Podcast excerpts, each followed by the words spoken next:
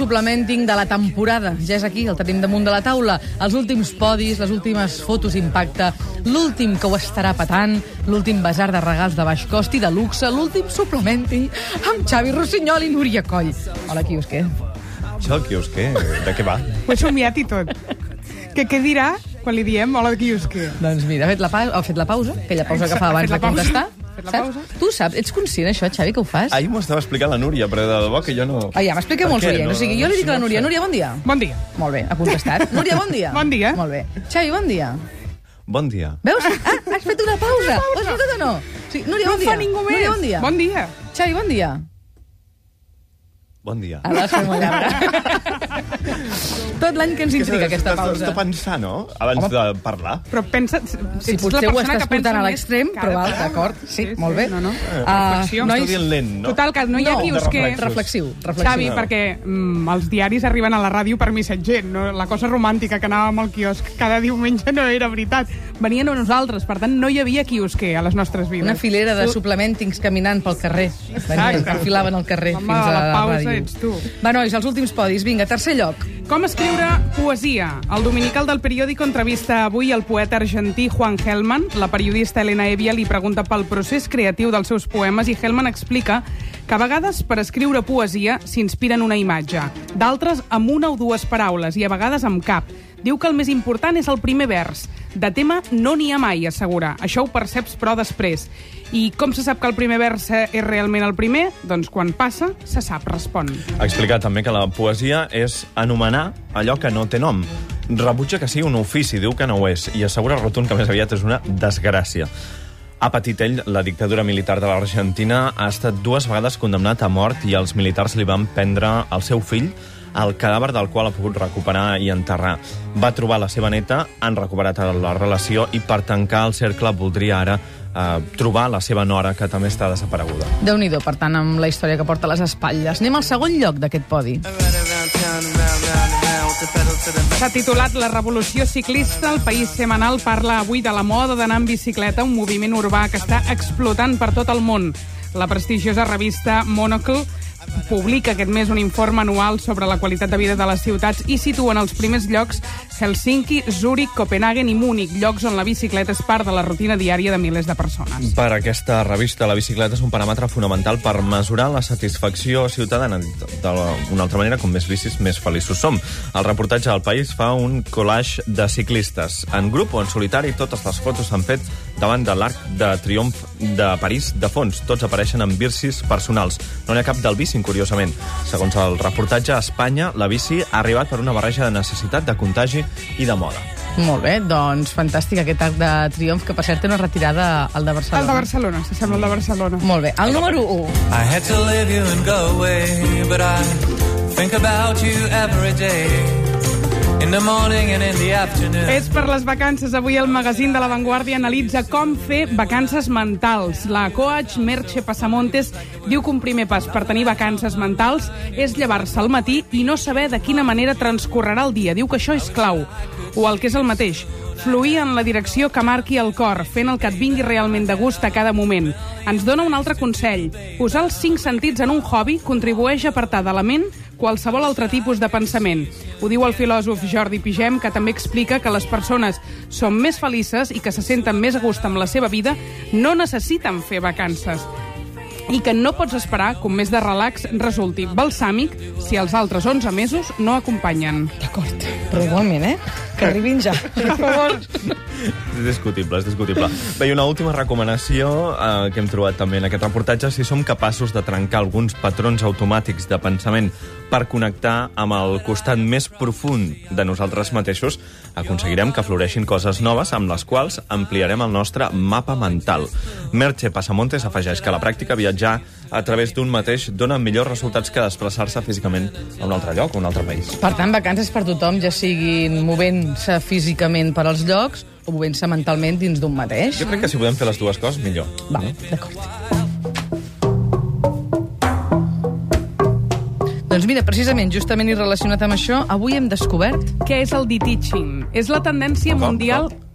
Dit teaching. De-teaching. The Teaching, DIT, DE-Teaching. Val. Ah, de-teaching, en anglès, molt bé. És la tendència mundial del moment i sobretot d'aquest pròxim any. De l'acció en neix la reacció. De la saturació tecnològica arribarà l'apagada, almenys temporal. Els gurus que analitzen les tendències del mercat diuen que ara és l'hora del de-teaching, és a dir, de desintoxicar-se de la tecnologia. Ah, bona aquesta. Clar. A recomanar, sobretot, evidentment, a persones molt addictes a les tecnologies. Es tracta de fer un dejuni, ni que sigui temporal, amb l'objectiu de frenar el ritme i recapacitar sobre la invasió tecnològica i els efectes que estan començant a tenir en les relacions personals. Hi ha quatre fases per desintoxicar-se de les noves tecnologies.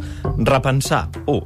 Reiniciar, 2. Reconnectar, 3. I reactivar, 4. Ho llegireu al País Semanal i si no voleu sentir-vos frustrats, llegiu només si esteu preparats per sentir consells com ara que consultis només un cop al dia un cop al dia el correu electrònic, preferiblement a la nit. Atenció amb que, les sapi- que addiccions. sapigueu que, que sou uns addictes a la tecnologia, que quan ho has dit semblava que parlessis d'una altra persona. Llegeix-te el reportatge. Sí, segons el que diuen en aquest reportatge, tots nosaltres ho som. Molts de nosaltres ho som. I veureu que molts de nosaltres ho som. De fet, jo conec una parella que en un sopar romàntic ell li va donar el regal amb ella a través del correu electrònic perquè sabia que miraria el correu durant el sopar. Jo també va la fer conec, aquesta parella. Tu també la coneixes? I això ho va fer per burxar, Va entenc. fer, no et preocupis, no et preocupis que ja t'arribarà el regal. I efectivament li va entrar un correu Perquè electrònic. estava convençut que la seva parella durant el sopar consultaria el mòbil. Tot i ser un sopar romàntic. Com és que sabeu qui és aquesta parella i jo no? Després Ara t'ho expliquem. Qui ho està patant? Alberto i The Border Boys. Semblava una broma, però comença a sentir-se per tot arreu. Va néixer el programa Buenafuente i es podria convertir, qui sap, en el hit de l'estiu. S'ho pregunta com a mínim el dominical i el tema és aquest, Me la tiro. Dices que no tenemos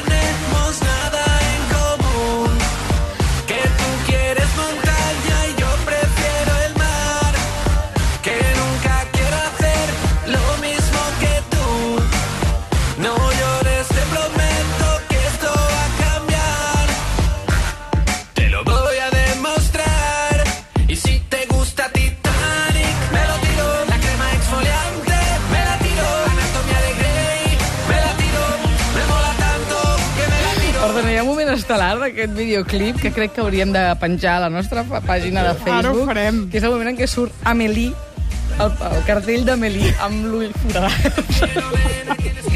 Tati! No pot ser que t'agradi aquest Això és videoclip. l'estiu. Home, per favor, a mi en general tot el que fa Alberto m'agrada. I aquest No, a mi no també, a mi ser també, menys. però clar...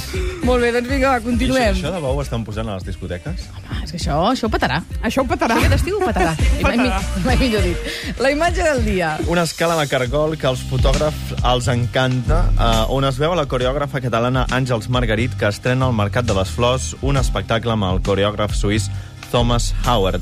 A la imatge hi apareixen diversos parells de sabates que sembla que estiguin de cap per avall i enganxats al sostre de l'escala. Ho veureu al dominical del periòdico.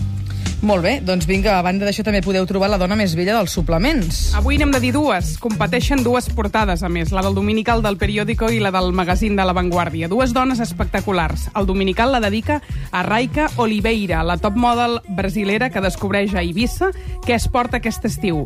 El magazín Angelina Jolie, amb un vestit vermell, i és la nova reina d'Egipte. Ho serà en una pel·lícula que dirigirà David Fincher i on es vol que l'actriu, tot i ser una icona sensual, compongui una Cleopatra complexa i adulta i alhora sigui l'amor de Marc Antoni que no se sap encara qui l'interpretarà. Per tant, un altre que ho petarà, també, amb aquesta Segur, pel·lícula. Eh? segur. Doncs, nois, anem al basar.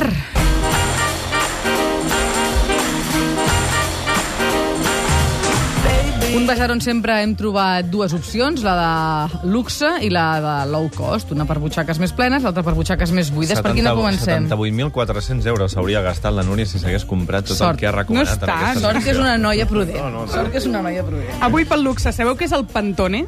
Sí, oi? Mm, els El colors... panetone? Sí. Ah, no, el pantone. Ja, passa, passa. colors. El Pantone, els colors. La paleta que es va inventar Lawrence Herbert l'any 63 per dissenyar i identificar, combinar i comunicar colors amb l'objectiu de resoldre una mica la vida als dissenyadors gràfics. Del Pantone se n'han fet llibretes, se n'han fet tasses, capses i ara arriben les cadires Pantone. Un nou objecte per casa i per l'oficina, són plegables d'alumini, pell sintètica brillant, l'han fet de color verd lloro, lila royal, groc mimosa, vermell rubí i verd turquesa i costen 63,45 euros. Doncs per una cadira de marca eh, és un preu alt, però assequible. Sí, sí, sí. Molt bé. Xavi?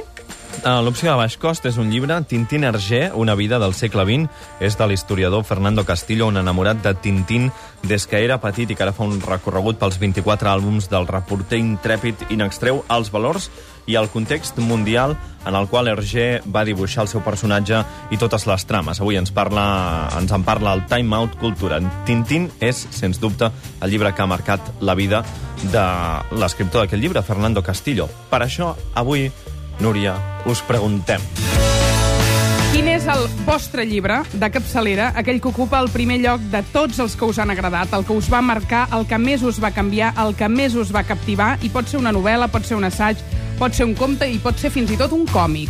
Doncs vinga, va, quin és aquest llibre que us ha captivat, que us ha canviat la vida, fins i tot? Potser és el primer llibre que us va animar a continuar llegint quan heu estat adults. Potser és aquell llibre que no podeu oblidar o el que heu rellegit moltíssimes vegades durant la vostra vida. Ens podeu començar a trucar ja al 932017474. També ens podeu escriure un correu electrònic a suplement arroba catradio.cat, suplement arroba catradio.cat, o deixar el vostre comentari a facebook.com barra el suplement i veureu la pregunta, una imatge d'en Tintín i en Milú, i a sota ja tenim un munt de comentaris tots vostres perquè des d'ahir ja esteu dient la vostra aquesta pregunta. Quin és el vostre llibre? Per exemple, l'Albert Rubí diu Mecanoscrit del segon origen, de Manuel de Pedrolo. La Carmina diu El Corsario Negro, diu que és fantàstic. La Rosa Isern, Els vells camins, de Miquel Martí i Pol. L'Alexandra diu Clàssic entre els clàssics, sempre torno al Senyor dels Anells. La Bet diu un altre clàssic més infantil, El zoo d'en Pitus. Ja veieu que podeu dir una miqueta el que vulgueu. Quin és aquell llibre que us ha marcat la vida? 93201 7474, suplement arroba catradio.cat i facebook.com barra el suplement. Núria, Xavi, gràcies pel suplement d'aquest any. A tu, gràcies. Continuem el programa. Fins ara.